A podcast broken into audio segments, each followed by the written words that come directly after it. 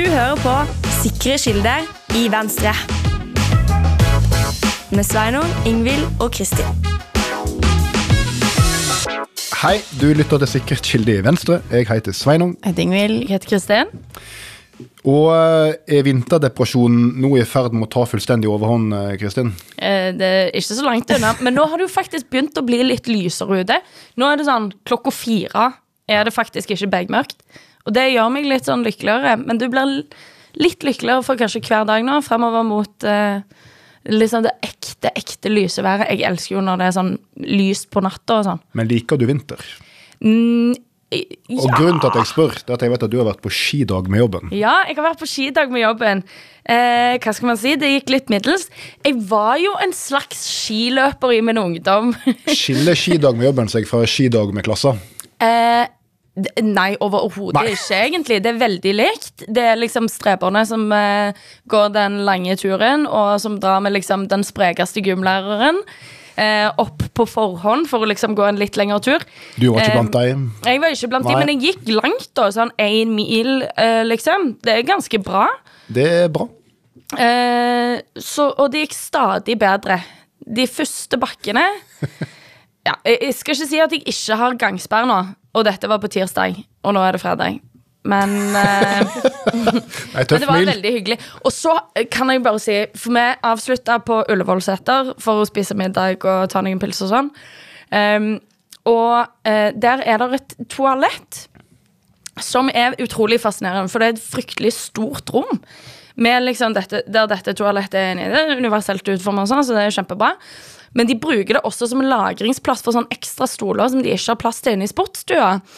Og de er plassert på en måte i en slags sånn her hestesko rundt toalettet, som er helt sånn midtsentrert. Så du har publikum? Så det er, publikum, det er liksom rigga for publikum. Ja. Så før vi dro Jeg skal vise dere dette bildet. Så før vi dro, så tok vi et bilde med da byråden i midten og hele eh, administrasjonen satt rundt toalettet. er ikke dette et bra bilde? Jo, dette veldig bra er bilde. veldig bra. Ja. Det ser litt ut som liksom det, der, det siste måltid. ja, bare at det er tatt inne på dassen på det- Ullevålseter. Veldig.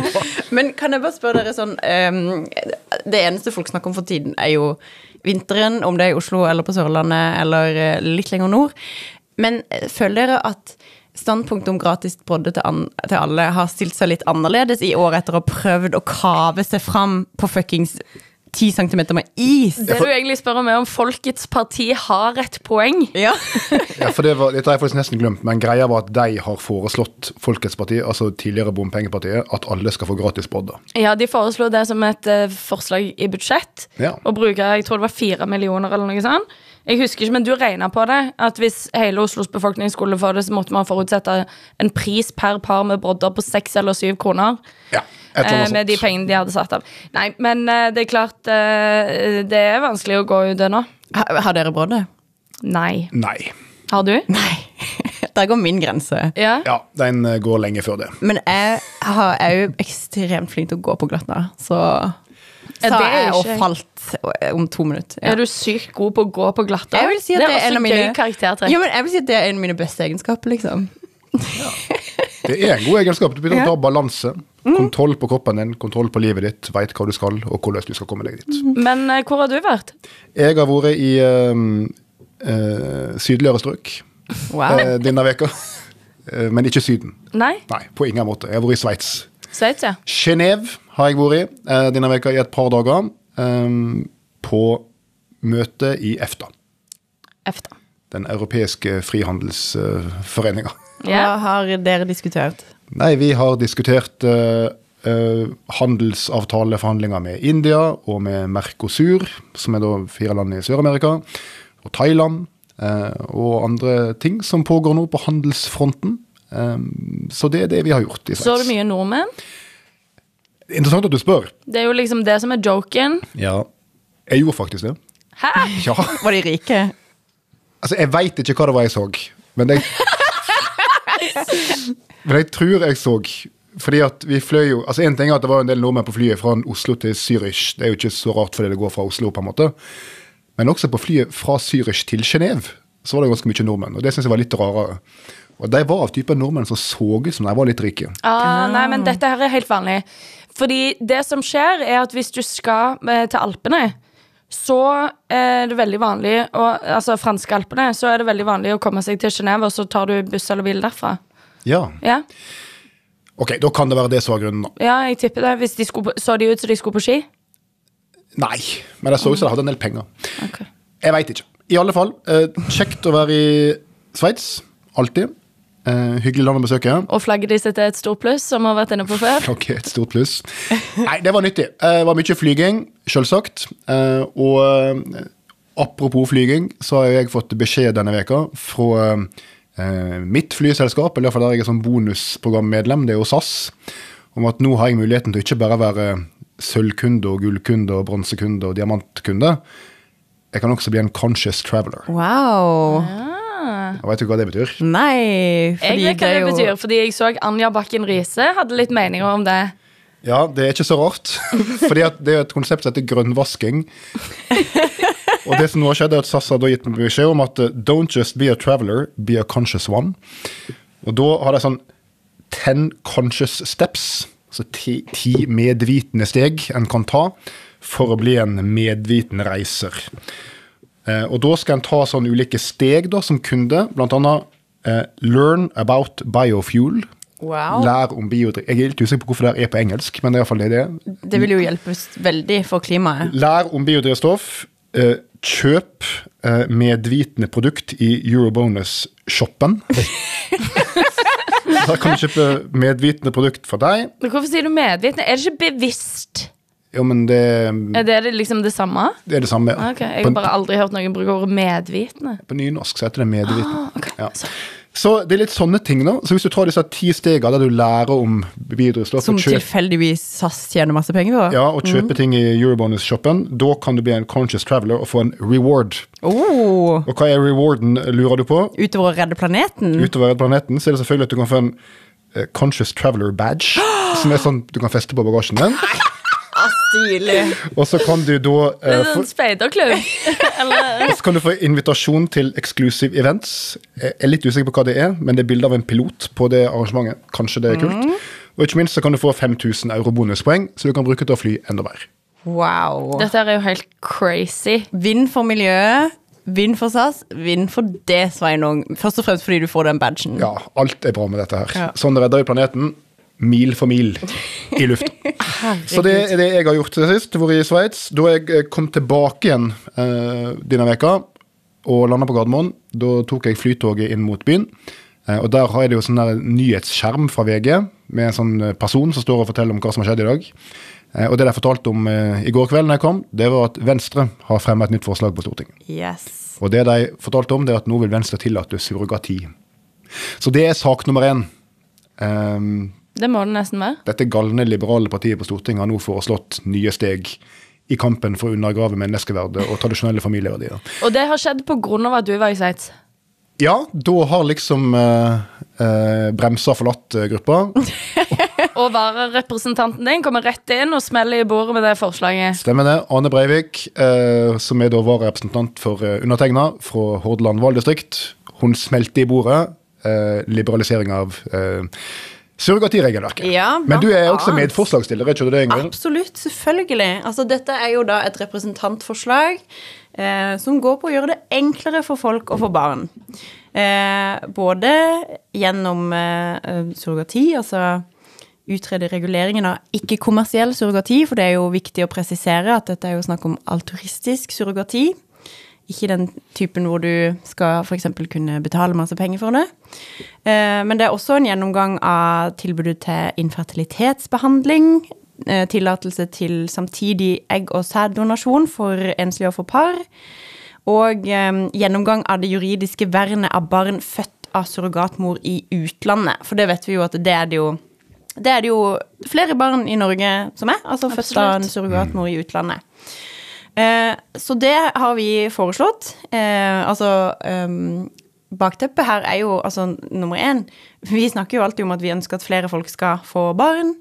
Eh, og så er det jo sånn at folk får barn senere og senere i livet, og da kan det jo oppstå problemer med fertilitet. Eh, ikke minst for eh, f.eks. likekjønna par som har lyst til å få barn, så er det jo kjempeviktig å kunne ha eh, mulighetene som dette her. Og så vet vi jo at, at det er eh, som sagt det er flere som har eh, hatt eh, surrogatmor i utlandet. Eh, og Men det er vel kanskje særlig likekjønna par som benytter seg av det i dag? er det ikke det? Det er iallfall- det er iallfall mitt inntrykk for de jeg kjenner. ja. Eh, og, Og Kim Kardashian. Ja. Bioteknologinemnda i 2011 så gikk de jo inn for å starte et prøveprosjekt med ikke-kommersiell surrogati i Norge. Eh, og en av de tingene som de påpekte da, var at forbudet mot surrogati uttrykker en klar mistillit til at kvinner vet sitt eget beste, og antyder at de ikke kan beskyttes mot seg selv. Helt enig. Eh, og det handler jo også om å um, gjøre at en sånn prosess kan skje i mer ordna former. For folk gjør jo dette her, sant? Eh, og da er det jo viktig at det gjøres på en ordentlig måte. Um, med tilstrekkelig gode rettigheter også for da, sånn som i disse tilfellene, da, en, en um, surrogatmor i utlandet. Eh, og da har jo Arne blant annet vært med på et intervju i VG hvor det er to jenter som eh, eh, står fram og forteller at de har eh, to fedre. uh, begge er født gjennom surrogati. Og de har, jeg sier at de har en, en helt vanlig familie og en kjempefin familiesituasjon. Um, så det å sørge for at eh, flere kan få muligheten til dette, og ikke minst at det kan skje i ordna former, er jo god nok grunn i seg sjøl til å gjøre dette her. Hva tenker du om motargumenter, da? Det er jo typisk um, dette, ba, eh, se, dette vil sette kvinner under press. ikke sant? At noen kan føle et sterkt press fra f.eks. familie eller venner til å stille sin kropp til disposisjon for å bære fram et barn eh, som ikke blir deres eget, eller som de kanskje ikke til og med har lyst til engang. Tenker, du tenker dere det er en god innvending? Det er i hvert fall det jeg har hørt som et motargument. Absolutt, og det vil jeg jo si kanskje er det viktigste motargumentet. Ja. Eh, og og det, her er det jo snakk om altså å utrede en, en regulering. altså Det må jo komme på plass mekanismer som gjør at sånne situasjoner ikke skal kunne oppstå. Jeg tenker jo at eh, dersom en kvinne ønsker å stille sin kropp til disposisjon eh, for å bære fram et barn for noen eh, altså I mange andre land så er det jo det. Eh, eh, eksempel i USA, altså hvor eh, kvinner syns at dette er en helt fin ting å kunne gjøre. Altså noen velger jo å gjøre det. Og så er, handler det jo først og fremst om å forhindre de tilfellene hvor det ikke er sånn. Altså de tilfellene hvor det utøves press. Men dette vil jo kvinnen kunne bestemme helt selv. Hva tenker dere om det å liksom frikoble barnet fra den biologiske mora, da? Eller genetiske mora? Ja, altså Det er vel dette som er liksom noe av kronargumentet til KrFU, som har reagert sterkest på dette utspillet fra Arne. Eh, no surprises there. Eh, det er jo, KrF kunne vi jo lese i Vårt Land denne uken at det er et veldig liberalt parti. Mye mer liberalt enn deg, Sveinung. Ja. Eh, bare en liten kronikk du kanskje bør vurdere å svare på. Jeg så det var en KrF-er som mente det. det. Ja. Det får vi komme tilbake til. Ja. Men argumentet de sitt er jo at barns rett til å kjenne sitt eget opphav bør gå foran eh, folks ønske om å få barn. Mm. det er jo en eh, selvfølgelig ekstrem forenkling av et ganske liksom, stort spørsmål, syns iallfall jeg.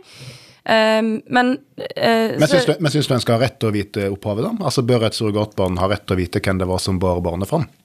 Ehm, altså Det tenker jo iallfall jeg. i en perfekt Ja, men, men det er jo også noe med Vi, har jo andre eh, ordninger i vårt samfunn der det ikke er tilfellet.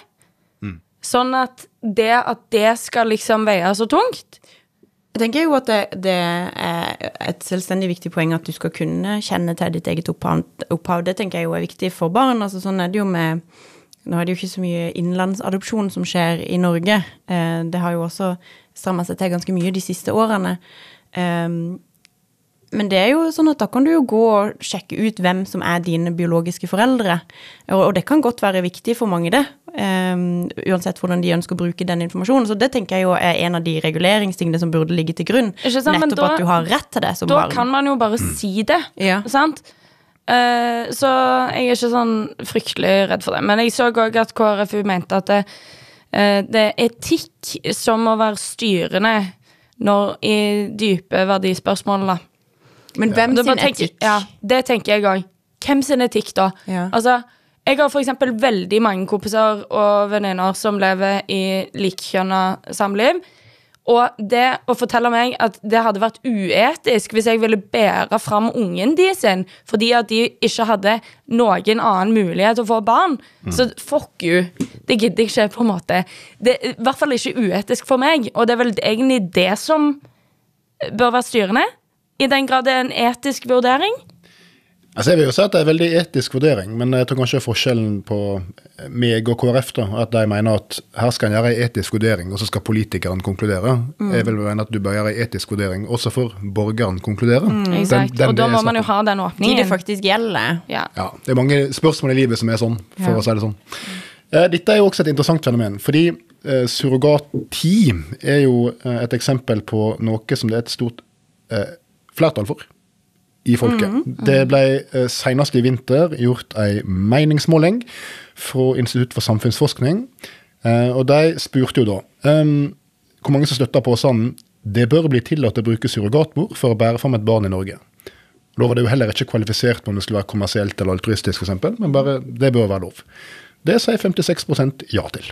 Shit. Det er høyere enn jeg trodde. Det, Det liker ja, godt. Og det er et interessant fenomen, fordi det samme ser du med et spørsmål som aktiv dødshjelp, Mm. som det også er stort flertall for. De spurte om det i samme undersøkelser.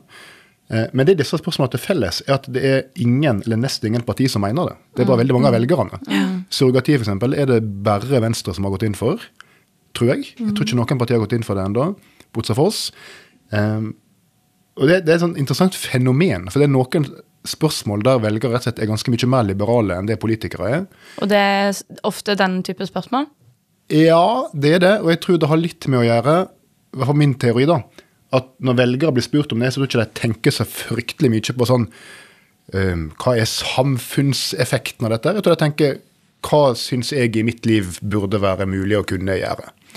Jeg tror f.eks. i et aktiv dødshjelp-spørsmål, tror jeg veldig mange av de får det spørsmålet tenker Hvis jeg svarer ja på det, tror jeg de tenker ja, det kan jo være noe som bør være tilgjengelig eh, dersom jeg kommer i en sånn situasjon. Mm. jeg tror kanskje en del tenker litt sånn om Greit å slippe å dra til Sveits. Greit å slippe å dra til Sveits, Ja, ja. selv om du er en conscious traveler. Ikke sant? Så det, det er et interessant fenomen det er noen spørsmål der velgere er ganske liberale, men der politikere ikke er det. Men bare real quick, apropos eh, bioteknologilovgivningen. Eh, så hvis det er riktig Nei, jeg så eh, at det ligger an til stort drama i denne behandlingen av denne, ab dette abortforslaget, med at det skal utvides til eh, 18 uker. Jeg så eh, flere representanter for Fremskrittspartiet som sier at de har tenkt å stemme for. Ja, Eh, blant annet eh, Jeg tror det var Interessant. Ja. Ja. Så, så uh, Carl I. Hagen kunne opplyse at han ikke uh, ville uttale seg til media om sitt syn i saken. Men uh, flere av de var på en måte for. Ja. Og det er jo et spørsmål som vi har diskutert tidligere, at, som kan avgjøres av rett og slett um, fristilling av representanter. Ja, det er et typisk spørsmål der du fristiller, og som er etisk for veldig mange, altså etisk eh, krevende for mange, og da fristiller en. Og det har jo skjedd før i norsk historie. Eksempel så eh, da en skulle stemme over om en skulle tillate abort i det hele tatt i Norge, eh, en av de første gangene en gjorde det, så var jo Arbeiderpartiet for, og SV var for, og de hadde flertall. Men det var én representant for SV som ikke var for. Som var, det var fordi han var veldig kristen, tror jeg, og hadde på en måte tatt eh, reservasjon på dette her på etisk grunnlag, eh, og stemte imot, og da falt det. Og dette, det dette var før abort ble tillatt i Norge. Så det er Var Venstre mot abort? Og for å være helt ærlig, jeg, Det er litt flaut. jeg, jeg, for å være helt ærlig, jeg er usikker på hvor Venstre var i den debatten. Litt Dette var tidlig på 70-tallet. Eh, det Få spørre Odeine. det burde jeg sjekke opp. Men i alle fall. Eh, så, så dette her kan bli sånn eh, ned til hver enkelt representant når Men- den 18-ukerssaken kommer til Stortinget. Ja, men spørsmålet er jo også hvis den kommer til Stortinget i denne perioden. Hvis den kommer til Stortinget. For det er jo òg Altså, Kjerkol har jo ikke Nå har vi jo fått listen over saker som skal behandles i Stortinget denne sesjonen. Denne saken ligger ikke der. Eh, Kjerkol har ikke svart på hvorvidt hun vil ta denne saken til Stortinget. Altså Noe av kritikken da dette utvalget ble satt ned, var jo nettopp at også i forkant av Altså før de kom med sin anbefaling, så sa jo, gjorde Senterpartiet ga klart uttrykk for at de sto eh, der de har stått hele tiden. De kom ikke eh, til å eh, la seg rikke av en faglig anbefaling. Eh, Det samme sa jo Arbeiderpartiet, som jo har programfesta 18 uker. sant? Så det det virka som, da, var jo at eh, dette utvalget ble satt ned for å utsette denne diskusjonen om en uenighet mellom de to regjeringspartiene. De har jo også i Hurdalsplattformen eh, eh, sagt at ikke ehm, eh, Altså, de, de ehm, eh, har sagt at, eh, at de ikke framgår at de skal nødvendigvis komme til noe enighet om dette. her, sant? Så jeg har sendt et spørsmål til Kjerkol hvor jeg spør om hun kan, eh, kan eh, svare på om de kommer til å eh, fremme dette i inneværende sesjon, og hvis ikke, når, når kommer de faktisk til å komme med det? For nå har jo også, i etterkant av anbefalingen, så har jo også eh, Marit Arnstad eh, uttalt at det ikke er avklart om regjeringa vil fremme et lovforslag. Så det er ikke gitt at dette kommer på til Stortinget engang. Med mindre noen, f.eks. Venstre, eh, fremmer det hvis vi blir lei av å vente på noe tidspunkt.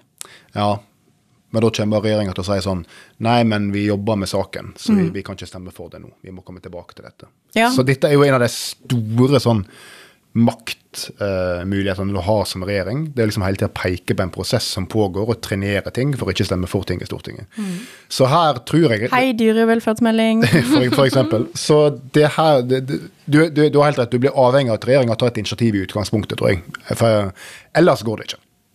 Men det blir en spennende sak. Eh, viktige spørsmål, sterke meninger om det. Eh, og apropos viktige spørsmål som folk har sterke meninger om. Nå er vi inne i programprosesser, så nå driver de kreative verkstedene rundt omkring i de politiske partiene og eh, kverner ut politikk. Denne veka, og i helga egentlig, eh, så ble det jo fatta et vedtak, ikke i Venstre, men i Arbeiderpartiet, i Rogaland, Okay. med vår alles Kari Nessa Nordtun i front, kunnskapsministeren, om et spennende forslag til Arbeiderpartiets partiprogram. Og det er at vi skal innføre obligatorisk samfunnstjeneste for alle borgere. Å, fuck det. Det skal vi ikke. Nei, du mener det? Ja. Ja. Men det her er jo en veldig sånn interessant sak, fordi dette er noe som mange har stikk motsatt reaksjon av deg til, tror jeg, Kristin, som sånn ryggmargsrefleks. Jeg tror veldig mange hører det her obligatorisk samfunnstjeneste for alle ungdommer.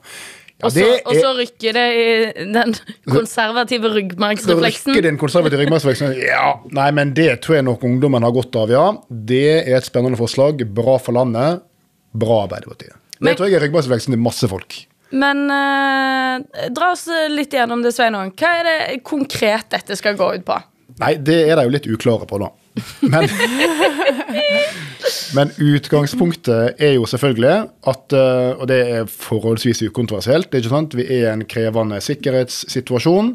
Eh, Det er viktig å utvide førstegangstjenesten og styrke Forsvaret. Eh, helt greit. Det tror jeg i og for seg alle partier er enige om. Eh, Iallfall de fleste. Og det er at det ikke finnes argument mot obligatorisk førstegangstjeneste, men de fleste mener likevel at OK, å forsvare landet og alle andre friheter, det kan på en måte legitimere at du gjør det inngrepet i friheten det er å kalle inn folk til militærvernplikt for å forsvare et land. Eh, liksom, det finnes argument mot det, men de fleste er på en måte enige om at det får være innafor. Eh, men det er bare én del av det forslaget som Arbeiderpartiet har kommet med. Det andre er jo da, eh, i forlengelse av det, å sitat, innføre et pliktår med samfunnsplikt som alternativ til militærtjeneste. Rettet prinsipalt, eh, jeg tror det betyr hovedsakelig, da, mot helse- og sosialsektor, oppvekstfelt og humanitære skråstrek frivillige organisasjoner. Og det er noe ganske annet. Fordi det du da sier, er at men de folka som Forsvaret sier at de trenger vi ikke til militærtjeneste, og som heller ikke har lyst til å gjennomføre militærtjeneste, og som kanskje skal gjøre noe helt annet med livet sitt, f.eks. å utdanne seg, eller jobbe, eller ta fagbrev, eller hva det måtte være, De skal jobbe på SFO! de skal du røske tak i i nakken Ja. og dra ut av universiteter og dra ut av bedriften og si vet du hva, nå skal du jobbe på SFO eller i barnehage eller koke kaffe for Røde Kors eller grave et hull og fylle det igjen. Det er en ganske annen sak, prinsipielt og praktisk. Og eh, jeg aner at du også er imot dette. Det her er ikke bare litt imot, det er helt enormt imot. Det er deilig. Ingvild, hva syns du? Nei, jeg er jo helt enig med Sveinung her. Jeg- Så du vil ikke at Altså, alle som ikke kan liksom gå og avtjene verneplikt, skal rett inn i fuglehjelpen? Nei, og jeg så jo noe Jeg så jo noen um, argumenterte med også at det var liksom interessant at dette skulle komme på en måte samme uken hvor også videregående skoleelever på en måte skulle få en anbefaling om uh, mobilfri skole, altså at de ikke skal kunne bruke Nei, mobiltelefon. Ikke en anbefaling. Mobilforbud. Ja, jeg en anbefaling om et mobilforbud, da. Men at det er interessant å på en måte samme uke si sånn Ja, nei, vi skal tvinge dere alle inn til å eh, gjøre tjeneste i samfunnet. Ikke i militæret, men i samfunnet på en eller annen måte. Men dere er ikke gamle nok til å ta disse valgene om eh, mobilbruken på egen hånd. Nei, men Og så eh, syns jeg jo for så vidt at det er helt riktig at ikke eh, barneskole- og ungdomsskolebarn skal bruke mobiltelefon i, i klasserommet og i skolen, og det er det jo Nei, men de aller færreste skoler praktiserer det jo sånn. De fleste skoler har jo et forbud mot det, så det her går helt fint. Altså, Jeg skjønner at det liksom er det nye nå, at alle er sånn her nå, det går helt fint med mobilforbud i skolen og sånne ting. Rent personlig så syns jeg selvfølgelig at det er helt ute som forslag. Det er som de pleier å si. Du kan ta jenta ut av EU, men aldri EU ut av jenta. Altså Så- Elevorganisasjonen. ja. Ja. for du er gammel Yes. Så dette her, Ja, nettopp, her rygger de min elevrefleks. Ja, nettopp, ja. Nei, Rykke, den, rykke. ja, den er ikke så sterk hos meg, merker jeg. Men, uh, det, No shit. nei. Men det er også litt, for jeg tenker det er litt forskjell på en 12-åring og en 19-åring. da. 100 Eh, og altså, En ting er hva du pålegger elever å gjøre og ikke gjøre i skolen, men uh, det som handler om denne samfunnstjenesten, da, det gjelder jo ikke barn, det gjelder jo voksne mennesker. Ja, ja, ja. Det gjelder folk som er 18-19-20 år. Eh, og det er jo et utgangspunkt som er greit å ha med seg, og det er Den europeiske menneskerettskonvensjonen.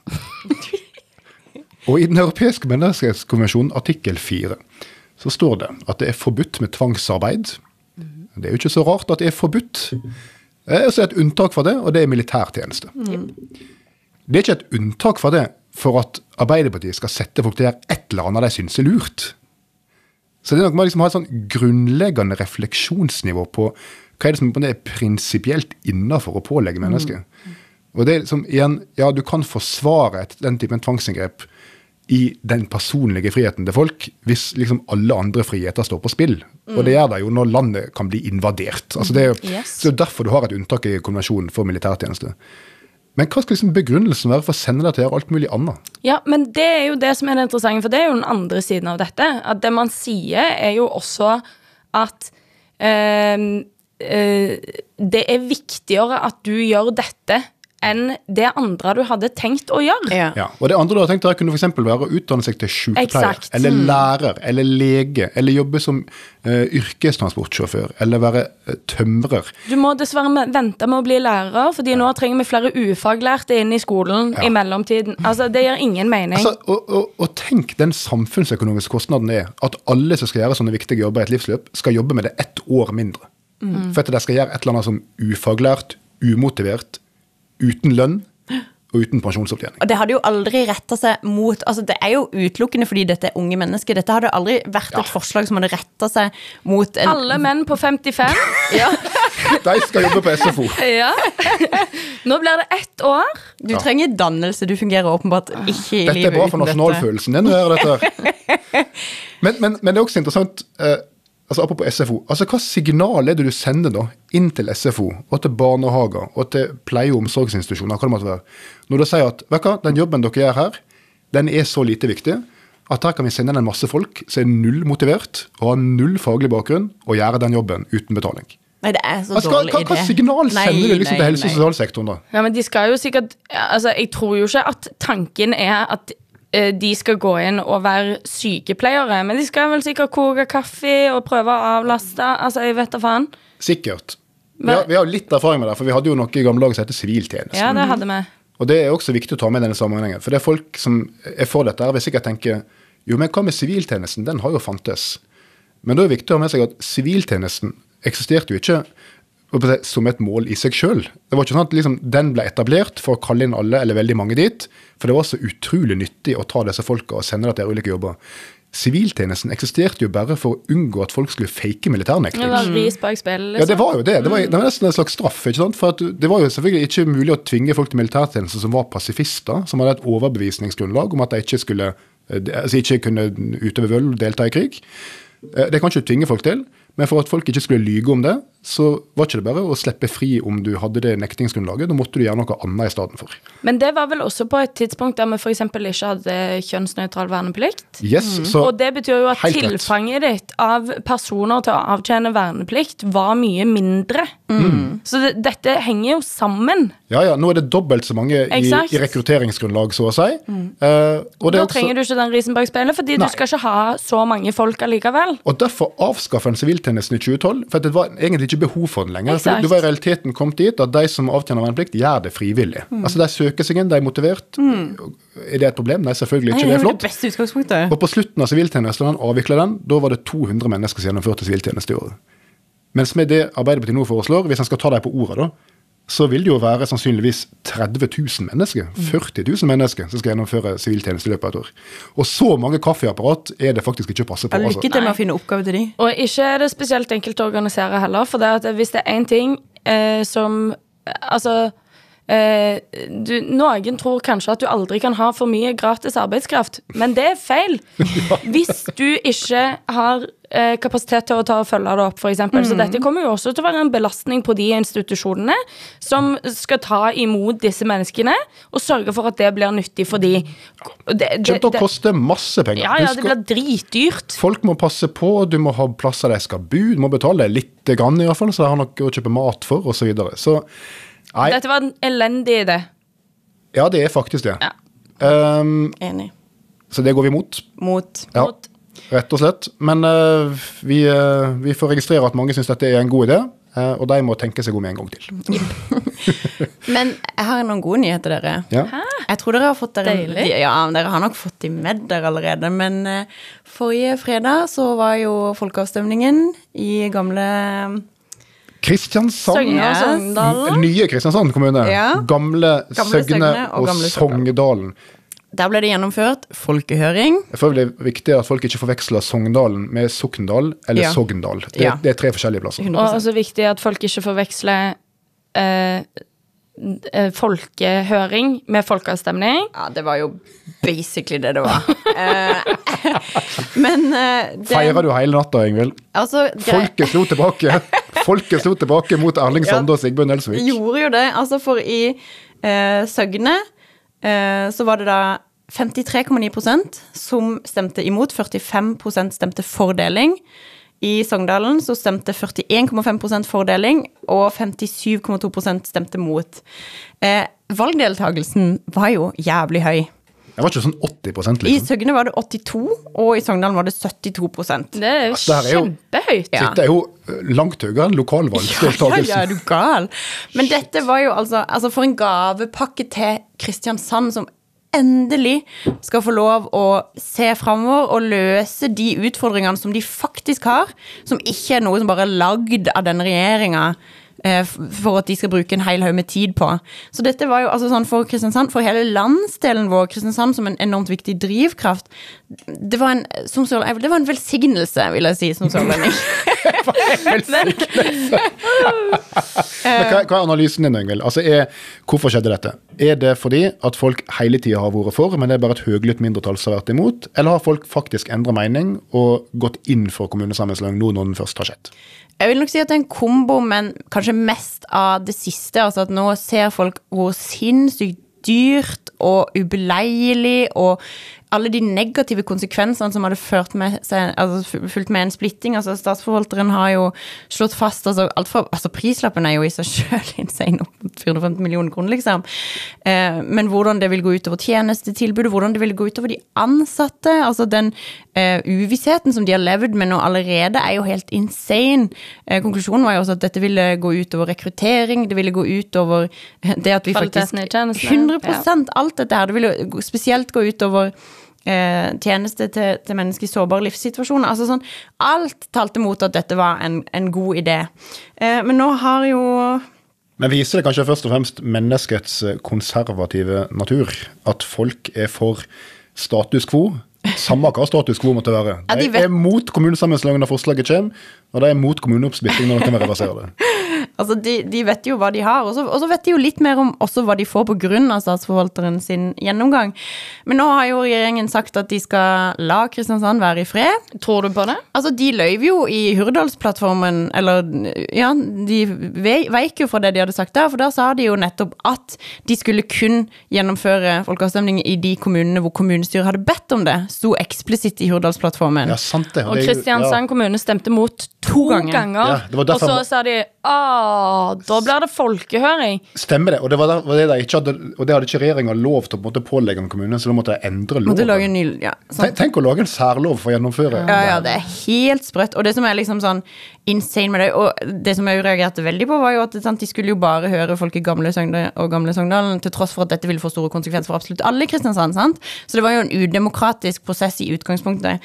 Men det som da Sande sier etter dette, ja, nå, nå har folket talt veldig bra, kjempefint, det var dette vi ville, og så sier han sånn jeg, altså, Om Høyre, da, sier han. Altså Erling Sande, kommunalminister. Ja. Ja. Han som har tvunget de til å ha dette. Ja, som har, literally som har tvunget de til å ha dette, uttaler da om Høyre. Jeg håper at de har lært at det er helt feil metode å overkjøre folk for å oppnå disse strukturendringene de kjemper for. Og så er det literally det du nettopp har gjort, liksom! The audacity of kommunalministeren. How the fuck klarer du å ytre den setninga et kvarter etter at du har overkjørt kommunestyret to ganger, liksom? Oi, oi, oi. Ja. Ja, men eh, Det endte bra. Det endte bra. Men nå må nok Kristiansand få være i fred. Nå må de få være i fred, og nå ser de framover, og det er jo Jeg kan ikke komme og tvangsoppdele kommunen. nå, Nei, liksom. nå, da, det det jo altså Egentlig så er jo dette en velsignelse òg for regjeringen. Fordi det er jo ingen i dette landet som syns at det der var noe god idé i utgangspunktet. Så nå kan de jo droppe denne tapersaken. Men da har vi jo fått en konklusjon, og det er at etter Senterpartiets høye sigarføring mot kommunereformen, brukte fem-seks år på å være mot dette her, vant valget i 2021, nå skal endelig friheten få komme tilbake til kommunene, og vi skal gå tilbake til sånn som det var, så er alt resultatet av at de, hva var det da, 70 kommunesammenslåinger som ble gjennomført, så er det én som blir endra. Og det er Haram i Ålesund kommune. De har fått lov til å gå ut. Win. Win for Haram. Det er eh, da slik at vi har vært innom to statsråder. Kari Nessa Nordtun, som i og for seg gjør det bra, men som jeg ikke liker forslagene til. Eh, Erling Sande, som ikke gjør det bra i, i Kristiansand i alle fall. Eh, men det er en tredje statsråd jeg vil nevne eh, på slutten av denne sendinga. Eh, og da vil jeg si at han gjør det bra. Eh, kanskje ikke i folks øyne, men i mine. De viktigste øynene. Ja, og jeg vil rett og slett gi en honnør til utdan nei, høyere utdannings- og forskningsminister Oddmund Hoel. For han har vært i hardt vær denne veka her. Ehm, fordi det kom jo fram eh, i en såkalt avsløring etter at han ble utnevnt, at han på 90-tallet, eh, som leder av Norsk Målungdom, som jeg selvfølgelig har vært medlem av, så, Ekte medlem av. det er sagt, Er du ikke fortsatt medlem? det vet jeg for så vidt ikke, det kan være Ja. var del av medlemsjuksskandalen. Eh, som jo Og jeg sier såkalt avsløring, fordi at dette trodde jeg jo absolutt alle, i- alle visste. At på 90-tallet så var det masse medlemsjukssaker i AUF og Målungdommen og andre ungdomsorganisasjoner som opp... Målungdommen har sluttet med det nå, men det har ikke AUF. Nei, det, det, kan, det, kan, du- det kan du si. Det er true. Ja, eh, og det var jo han involvert i, så dette ble jo en svær sak. Men grunnen til at jeg sier at eh, han fortjener honnør, det er jo at eh, jeg syns han har håndtert det bra. For han står jo i det, ikke sant? Og får, ja, du var jo leder i Norsk Målungdom på 90-tallet, og da var det jo juks og tilkaring av statlige penger osv. Og, og da kunne han jo tenke seg at eh, at eh, han liksom prøvde å spinne det på et vis, da, sånn som politikere gjør, og liksom bare snakke om andre ting eller et eller annet. Men han håndterer dette veldig greit, syns jeg. VG, Han sier bare ja, det, jeg gjorde det med vilje. ja, jeg fant sitater i en VG-sak om dette her. Så sier han at dette burde ikke skjedd. Eh, mitt ansvar. Så spør VG var det bevisst. Og så svarer han ja, det gjorde jeg bevisst. Og så Han forklarer at de gjorde dette for å få mer støtte til organisasjonen enn det de hadde medlemstall til. Så spør VG hvorfor gjorde dere det. Så svarer han ja, det var jo for å få mer statsstøtte. Hva tenker du om det i dag? Nei, det er jo ikke en av de ærerike delene av fortiden min. Mm. Det er litt sånn, uang, Ja. sånn uangripelig. Altså, du bare sier Ja. Gjorde du det? Ja. Hvorfor gjorde du det? For å tjene penger. Angrer du på det? Ja, det gjør jeg. Ja. Ja vel. 22 år siden dette ble avslørt, men VG kunne avsløre det denne uken, da, så det var jo veldig greit. Men uh, dette er jo en avslutta sak, sånn at alle som var sånn Å, må han gå? Så er det sånn Nei. Det kommer jo fram allerede da. Og så er det sånn, fordi jeg kan, jeg kan, jeg kan godt på en måte forstå Um, altså behovet for at du skal være ærlig om at du har gjort noe galt. Altså Det er jo en god grunn til at det er sånn for statsråden, nettopp at ikke de skal, du skal kunne ha tillit til dem. De skal ikke kunne la seg presse av f.eks. fremmedmakt og sånne her type ting, fordi de har gjort noe galt i fortiden sin. Så alt dette er jo kjempeviktig. Men dette hadde jo kommet fram. Og så er det sånn, ok, er det vi forventer at han skal Og det kan godt hende at det hadde vært mer riktig at han eksempel hadde eh, vært åpen om dette nå, at kanskje han hadde kommet bedre ut av det hvis han selv hadde sagt at ja, forresten, dere, eh, det er jo viktig med at dere skal kunne ha tillit. Eh, dette var framme for 30 år siden, eh, men jeg nevner det igjen nå. For det er jo sånn, det må jo kunne, altså sånn, vi må jo kunne ha politikere som har på et eller annet tidspunkt begått feil. Altså Vi skal jo representere folket, men det er fint at du skal være ærlig om det, at du skal eh, opplyse om det. Det tenker jeg jo er kjempeviktig for tilliten. Ja da, og jeg, jeg skryter jo ikke av han fordi jeg syns det, det her er bra. Altså, det, og det er, ikke, det er jo i og for seg ikke lite alvorlig heller. Altså, det, var det å sitte og signere på papir og bevisst eh, inflatere medlemstall for å eh, tuske til seg penger fra staten, er, er alvorlig. 100%. Eh, og det var folk som er involvert i disse sakene i Målungdommen, i AUF og andre organisasjoner som ble dømt til fengselsstraffe. For dette her er jo grovt bedrag. eh, så, så det er ikke det som er poenget mitt, at dette er ikke alvorlig. Men det Du er kommer ganske godt ut av det med å kjenne at det er alvorlig. ja, og bare være helt ærlig på at dette var en stor feil. Det er veldig lenge siden. Ingen har holdt noe hemmelig. Dette tvert imot har vært i rettsvesenet. Eh, og jeg eh, håper jeg kan få tillit til dette viktige vervet likevel. Av velgerne mine, av statsministeren osv. Så, videre. så, så, så jeg syns Om det er godt at, håndtert. om du tror at du syns dette er ekstra godt håndtert fordi at eh, de pengene kom nynorsken til gode, er det liksom et element av sånn bias eh, sånn grunnleggende sympati. Ja, litt bias, jeg skal, jeg skal innrømme det. Må ta høyde for det. Eh, Ja, men jeg har betalt medlemspenger i Målungdommen frivillig, jeg, da. Så, så i tillegg til at dere som skattebetalere ufrivillig har finansiert Målungdommen, så har jeg frivillig finansiert Målungdommen. Nei, så det, det syns jeg han fortjener honnør for. Får vi se hvor lenge han står i jobben likevel, da. Uh, og ikke minst hvor det går med vår alles Ingvild Kjerkol. Hun fortjener ingen honnør. Uh, dette her er uverdig, uh, og vi får se hva konklusjonen blir fra Nord universitet. Jipp. Tror vi den kommer innen neste podkast? Eh, Kanskje. Hun har jo også vært veldig sånn uklar på hvorvidt hun har tenkt å offentliggjøre den konklusjonen. Hun har både sagt at den skal offentliggjøres, og på en måte at den ikke skal det. Ja, men hun har også, får se. Men hun har også sagt at hun ikke har kopiert. Ja, det er jo også feil. Ja. Ja. Nei, eh, men det, det går jo an å håpe at den kommer innen neste podkast. Shout-out til min onkel Jan Trosvik, som eh, er hyppig henvist til i det hun har plagiert i masteroppgaven. Er det sant? Jævlig bra. Det elsker jeg. En annen hun har hyppig plagiert, det er uh, Jeg har ikke en- plagiert onkelen min, hun har bare plagiert de delene hvor det vises til sitatene fra boka hans. Ja, nettopp, ja. Ja, det er sikkert lov. Nei da. en annen hyppig plagiert, det er en professor Røiseland på Oslo OsloMet. Og hvis dere lurer på om det er barnebarnet til gamle Bent Røiseland, leder i Venstre på 1960-tallet, tror jeg veldig mange lurte på. Så så det er er svaret ja. Yes. Veldig bra. Så her er det tentakler i alle retninger. Veldig bra. Ja, vi må gi oss der. Eh, takk for oss. Vi la- eh, har hørt på Sikre Chili Venstre. Skal vi lage Valentine's spesial neste uke? Nei, Nei, det skal vi ikke. timingen på Ok, dette. Ha det bra. Ha det.